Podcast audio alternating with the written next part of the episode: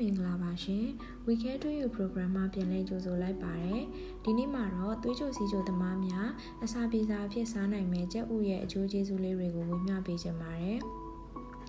ကြက်ဥမှာအာဟာရဓာတ်ကျွယ်ဝပြီးတော့ဗီတာမင်နဲ့သတ္တုဓာတ်တွေများစွာပါဝင်ပါတယ်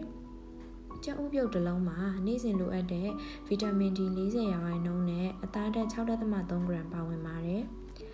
နှလုံးကျန်းမာရေးနဲ့အုံနောက်ကျန်းမာရေးအတွက်အထောက်အကူပြုတဲ့ omega 3 fatty acid များလည်းပါဝင်ပါတယ်။ဓာတ်တိုးဆန့်ကျင်ပစ္စည်းတွေလည်းများစွာပါဝင်ပြီးတော့အမြင်အာရုံအတွက်ကောင်းမွန်စေပါတယ်။ဗိုက်လည်းပြည့်စေပြီးကိုယ်အလေးချိန်ချရမှာလည်းကူညီနိုင်ပါတယ်။ဒီအပြင်ခန္ဓာကိုယ်အတွက်အကျိုးပြုတဲ့ကောင်းတဲ့ cholesterol HDL ကိုပါမြင့်တက်စေပါတယ်။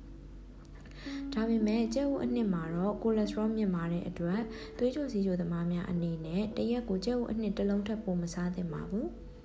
ကျုပ်အကာကိုတော့အစာပြေစာအနေနဲ့ဖြစ်ဖြစ်ဗိုက်စာတဲ့အချိန်တိုင်းဖြစ်ဖြစ်စားပေးနိုင်ပါတယ်ရှင်။